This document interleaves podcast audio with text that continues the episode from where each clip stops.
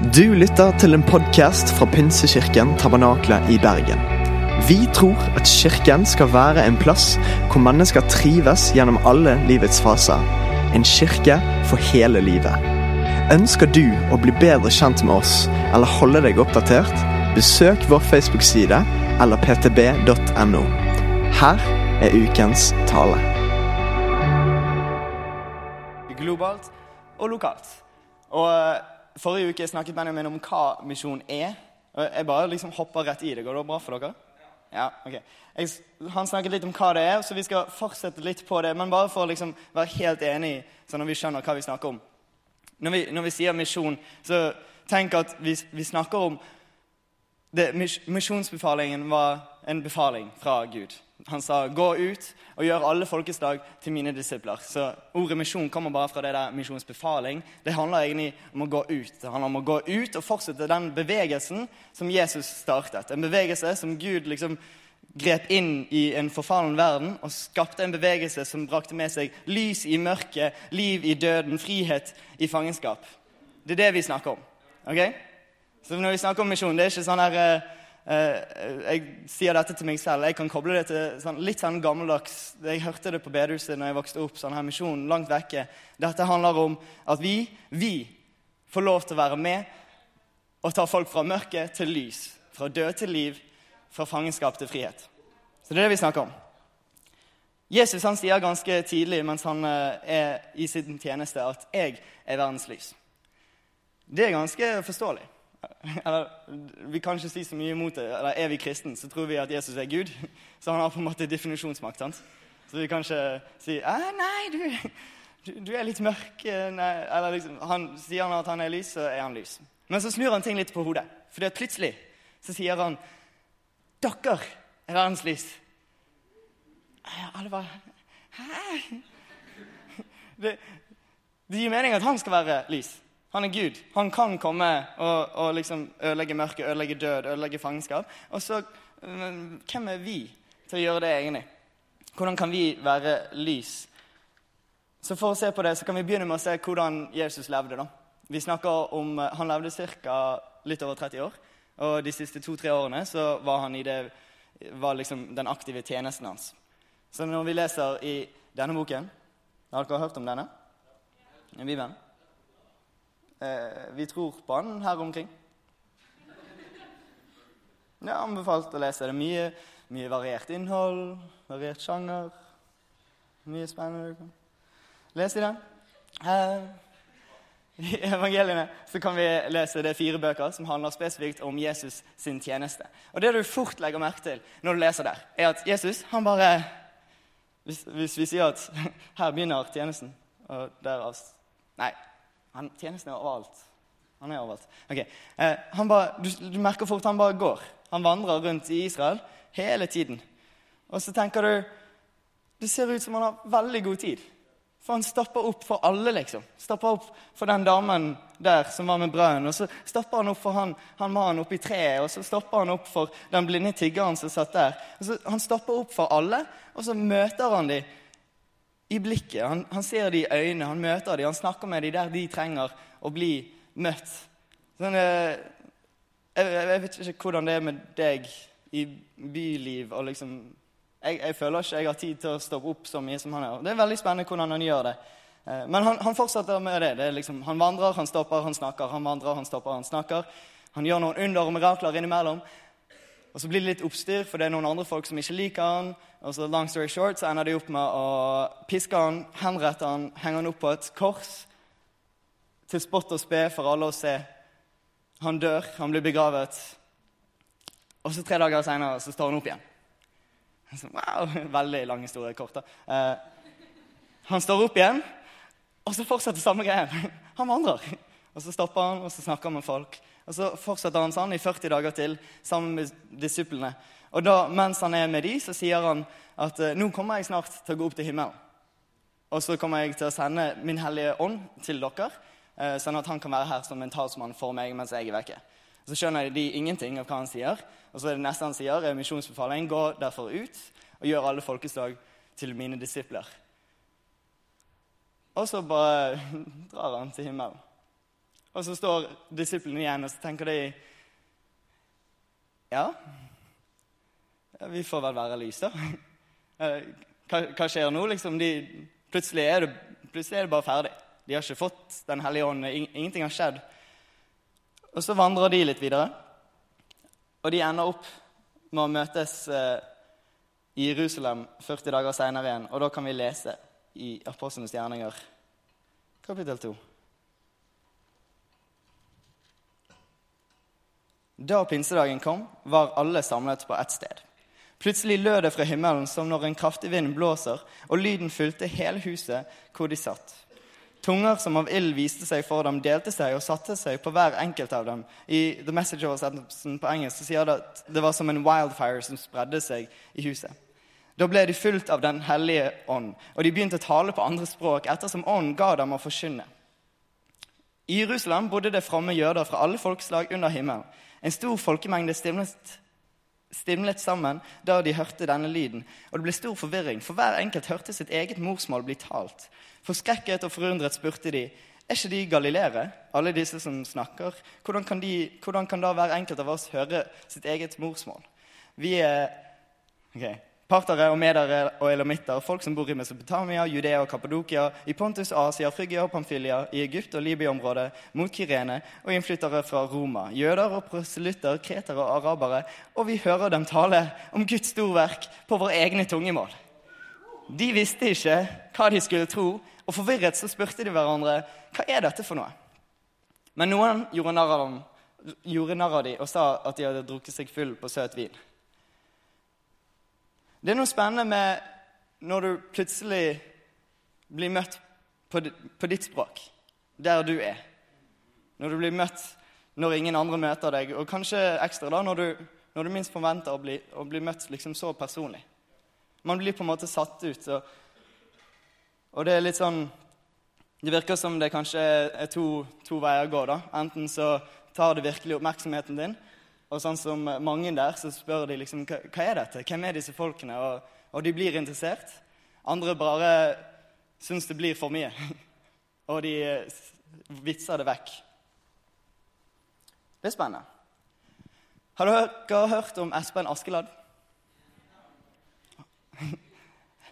Det henger sammen, jeg lover. Det er ikke på overgang eller noen ting. Har dere, sett dette eventyret her? Espen Askeladd og de gode hjelperne?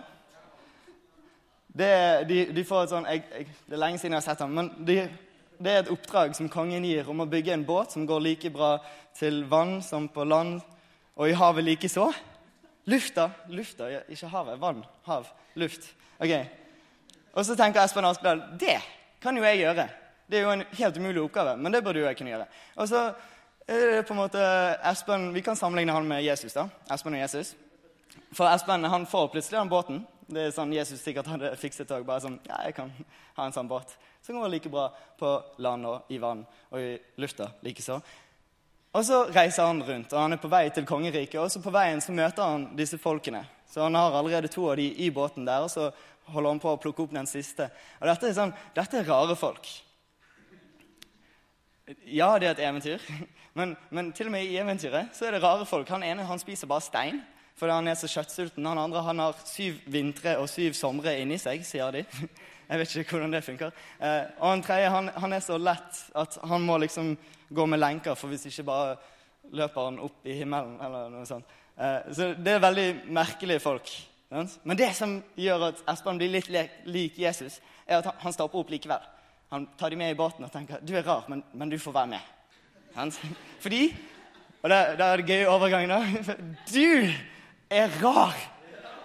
Det er sant? Og du som tenker 'Nei, jeg er normal', så sa 'Nei, du er kjemperar'. Men du er faktisk du, du er så unikt sammensatt da. Av din personlighet, av alle dine egenskaper, av alle dine erfaringer. Du er kjemperar. Sånn, all, jeg er en som ikke spiller fotball, derfor blir dette et angrep mot dere som spiller fotball. Alle som spiller fotball, dere tror dere er som normal, for dere spiller fotball.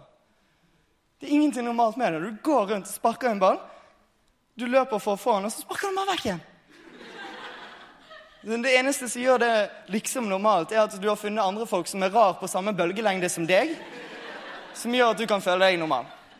Men du er helt unik, unikt sammensatt, og du har en helt unik historie med Gud.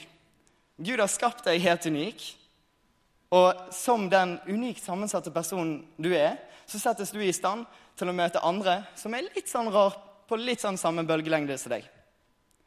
Ok? Så er spørsmålet, som jeg egentlig ikke skal diskutere i det hele tatt, men du kan tenke på det. Bruker du alt det du er, og alt det du har, til det optimale for å tjene Gud? Og vi går videre. Du er unikt sammensatt. Gud gjorde ingen feil med deg. Han elsker deg så enormt høyt. Og med den kjærligheten som han elsker deg med, den tar du med i dine sfærer. For hver og en er vi unikt sammensatt, og hver og en er, er vi unikt plassert, sånn at vi sammen som Kirken kan nå ut til flest mulig. For det, det er sånn jeg vet, jeg vet, ikke om du har skjønt det, da. Men, men du gjør ikke det samme som alle andre i dette rommet gjør. Visste du det? Alle her har ganske forskjellige sfærer. De lever i sfærer, områder, arenaer, kall det hva du vil. Jeg sier sfærer i dag. Så kan vi se, kanskje si noe annet i morgen. Men, men er sånn Noen jobber her, noen jobber der. Noen studerer der for å jobbe der, noen studerer der. Og du, jeg gidder ikke liste opp fordi du vet hvor du jobber og hvor du studerer. Så har du familiesfæren, du har mediesfæren, du har kunst, du har musikk, du har idrett. Det er så mange forskjellige sfærer. Og så er det så gøy å se at i dette rommet så forgreiner vi oss utover Bergen noe helt enormt i de forskjellige sfærene. Du er unikt plassert i din sfære. Og så er det gøye med din rarhet da, er at den gir deg et språk til å snakke med de andre som er i den samme sfæren. Den gir deg en stemme inn til de og inn til deres hjerter. Men når vi snakker om sfærer, så må jeg bare ta opp tre løgntanker.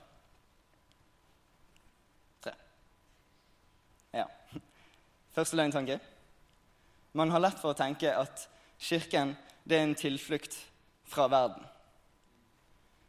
Jeg avslørte jo allerede at det er en løgntakke, så jeg kan si nei!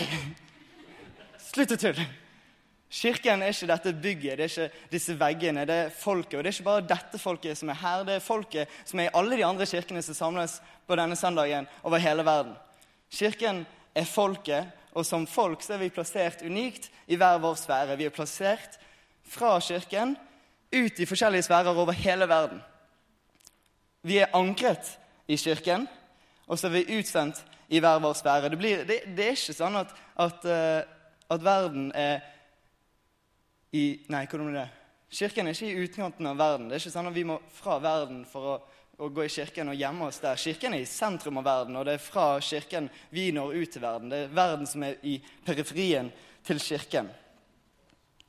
Andre løgntanke er at det er pastoren sin jobb, pastoren sin jobb å nå ut til eh, hele Bergen. Det er pastoren sin jobb at alle i Bergen skal vite hvem Jesus er. Eh, Slutt! Det er ikke det. Det er kirken sin jobb. Ja, André er med. Det, Kirken sin jobb å nå ut. Kirken, det lærte vi i sted, det er folkene. Det er oss. Det er vår jobb å nå ut. Kirken er det stedet vi samles. Vi kan samles her, vi samles på onsdager i det mindre fellesskapet. Vi samles for å dele, vi samles for å lære mer om Gud. Vi samles for å lære mer om hva Han gjør i hver av våre liv. For å bli oppmuntret, for så å sendes ut igjen fra Kirken til våre sfærer. Ligger, ansvaret ligger på oss til å nå de vi har i våre liv for å snakke om hvem Jesus er, for å peke på hva kjærlighet han har for dem, for å peke på hvilket liv han ønsker at de skal ta del i. Det er en sånn skummel tanke som får oss Fordi vi tenker ofte at verden er skummel. Og så hører vi Gud snakke om trygghet, og så får vi lyst til å tenke at ja, da skal vi vel leve i trygghet. Men jeg, jeg, tror vi, jeg, tror ikke tanken er at vi skal leve i trygghet. Jeg tror tanken er at vi skal leve i verden med hans trygghet. Vi skal samles her, vi skal bli oppmuntret. Vi skal gå ut med full visshet over hvilken trygghet vi har i Han, mens vi deler og roper ut hans navn. Jesus hengte ikke naken på det korset og ble spyttet på for at vi skulle komme her og kose oss. En fin kosekveld. Men han hengte der for at vi kunne samles her for å minnes om hvorfor han hengte der, og bli oppmuntret til å gi det videre til folkene i våre liv. Tredje løgntanken er 'jeg er ikke der jeg skal være'. Eh, da kan jeg spørre først eh, vet du hvor du skal være. Hva gjør du for å komme dit du skal være? Ofte, ofte Disse løgntankene er liksom unnskyldninger for å, for å ikke nå ut til våre venner. Det er derfor jeg oppsummerer de. Jeg er ikke der jeg skal være, så jeg trenger ikke å, å snakke om hvem Jesus er. Men, men, vet du hvor du skal være? Gjør du noen aktive steg for å komme videre? Kan det hende at, at du er der du er nå fordi at du forbereder deg til å være der Gud vil at du skal være om fem år? Jeg har snakket med en del studenter som, som hater studiet sitt. Uh, det er sånn, Kan jeg bruke deg som eksempel, Roald? Jeg gjør det. Roald han, uh, Jeg skal ikke si at han har hatt en studiestid, men han, han, har, han, har, veldig lyst til å være en lærer. Han har ikke så lyst til å bli en lærer. Og han er nå da i, i halvveis i tredje semesteret av, av ti. Året. Semester. Ja. Mange, ja. Han er, han er begynt. Det blir litt for mye å si. Han er godt på vei. Han han er begynt, på en måte. Men, men, det betyr ikke at han ikke kan være et lys for Gud der han er. sant? Fordi hvis du, eh, hvis du liksom i usynlighet tar opp din hånd nå på at 'ja, jeg er ikke der jeg skal være', kan jeg bare spørre deg Har du i løpet av den siste uken vært i noen kontakt med noe menneske i det hele tatt? For hvis du har det, så har du allerede hatt muligheten til å, til å si noe om hva Guds kjærlighet betyr. Et tips kjøp noe skikkelig merkelig på butikken som liksom ikke passer inn i resten. Da, da da spør de hva er dette Og så kan du begynne å snakke med dem hvis du er sånn som ikke liker å starte samtale. Veldig digresjon. Altså, unnskyld. Vi er unikt sammensatt, og vi er unikt plassert for unike muligheter. Og da spesifiserer jeg 'for'. For det er ikke med unike muligheter, for unike muligheter. Eller det er kanskje med, men, men vi fokuserer på 'for'.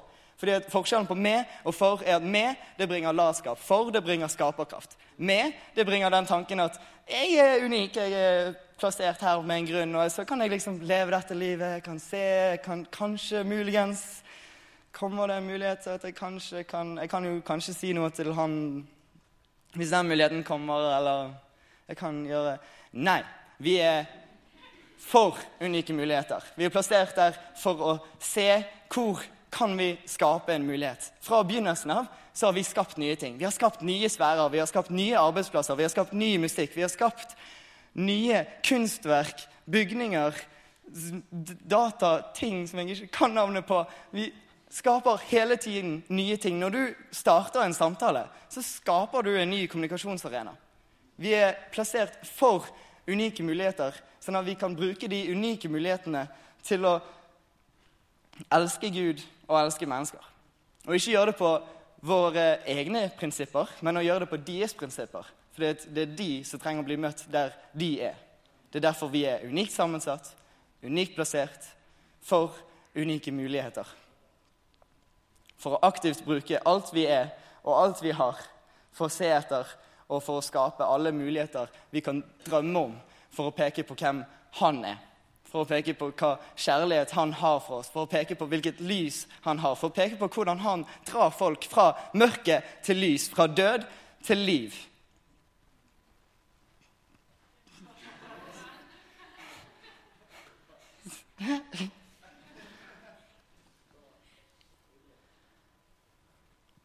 Det er veldig lett å tenke at vi må unngå verden.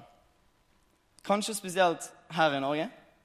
Fordi at vi føler at vi er en minoritet. Fordi at media kanskje sier det. Det kan vi er en minoritet, jeg vet ikke. Men jeg, jeg, jeg føler ikke det er tillatt av oss å si at vi er en minoritet når vi er på siden til guden som skapte majoriteten. på en måte. Det, det, det, det ødelegger på en måte en logikk der. Vi, vi, har lett for å tenke det likevel. For vi lever rundt det her. Har ikke, har ikke Gud frigjort oss er ikke verden det stedet der vi, der vi, finner de tingene som holder oss nede, som binder oss nede? Har ikke Jesus frigjort oss fra det, sånn at vi kan leve et evig liv sammen med Han? Er ikke det da bedre å bare være i kirken, siden er kirken er Guds hus, og, og, og, der kan vi se Han og være med de andre folkene som tenker likt som oss? Det er jo veldig fristende, er ikke det? Jeg syns det, i hvert fall. Men så sier Paulus noe litt spennende i forhold til det. I første Korinterbrev, kapittel 9, fra vers 19, så sier han enda jeg er fri og ikke underlagt noen, for det er det Jesus har gjort. Han har frigjort oss. Enda jeg er fri og ikke underlagt noen, har jeg gjort meg til tjener for alle. Så jeg kan vinne så mange som mulig. For jøder har jeg vært som en jøde for å vinne jøder. For dem som er under loven, lever jeg som om jeg var under loven, for å vinne dem, enda jeg selv ikke er under loven. For dem som ikke har noen lov, lever jeg som om jeg var uten lov, for å vinne dem jeg eh, For å vinne dem, ja. Enda jeg ikke er uten lov, men er bundet av kristelov. For de svake er jeg blitt svak, for å vinne de svake. For alle er jeg blitt alt, for på alle mulige måter å frelse noen. Men alt gjør jeg for evangeliets skyld, så jeg selv kan fordele det. Han, han sier han, han, gjør dette fordi han vil ikke bare snakke om dette evangeliet. Han vil være en del av det. Han vil utøve dette. Han vil utnytte den fantastiske muligheten vi har fått til å være med og dra folk fra død til liv. For alle er jeg blitt alt, for på alle mulige måter å frelse noen. For alle mulige måter å gi noen en verdi, gi noen en hensikt, gi noen en visshet om at de er så sinnssykt høyt elsket av Guden som skapte dem.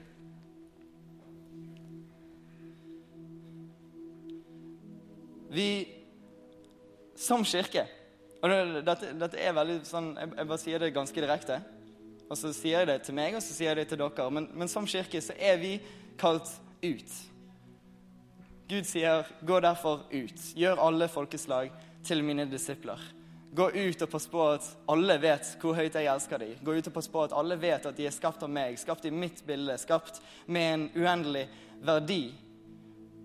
Gå ut og passe på at, at de skjønner at de kan velge vekk døden og velge livet. Vi må skjønne det at det handler, det handler ikke om oss i det hele tatt. Det handler bare om han. Og så er det en sånn enorm storhet i det at det er han som lengter etter oss. Han som lengter etter meg, det er han som lengter etter deg, og det er han som lengter etter alle andre som ikke er i dette rommet. Og derfor så skal vi gå ut. For alle ble jeg alt om bare for å vinne noen.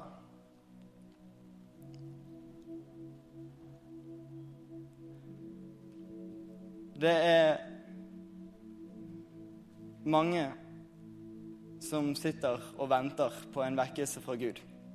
Mange som sitter og venter på at han på en eller annen mirakuløs måte skal komme med en eller annen sånn himmelsk vedvind som plutselig skaper de der mulighetene som du kan være med på.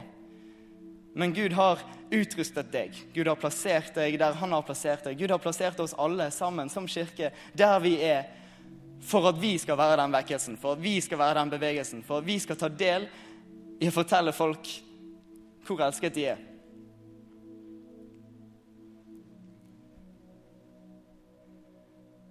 Jeg føler ikke jeg får nok respons på deg, så dere må bare reise dere opp.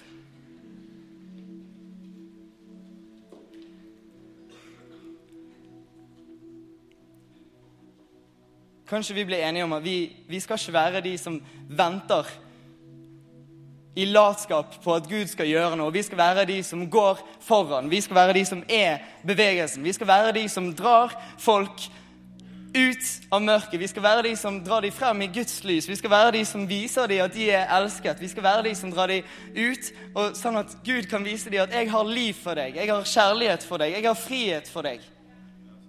Kan vi være enige om at det er det vi skal gjøre som kirke? Kan vi være enige om at vi skal nå ut til Bergen? Kan vi være enige om at vi ikke skal være fornøyd med at, med at bare 1% eller hva det er, i Bergen kjenner Jesus? Hvis vi virkelig tror på dette og tror på at Gud elsker oss så høyt, hvordan kan vi da bare se rundt oss og la det være så mange som ikke vet det?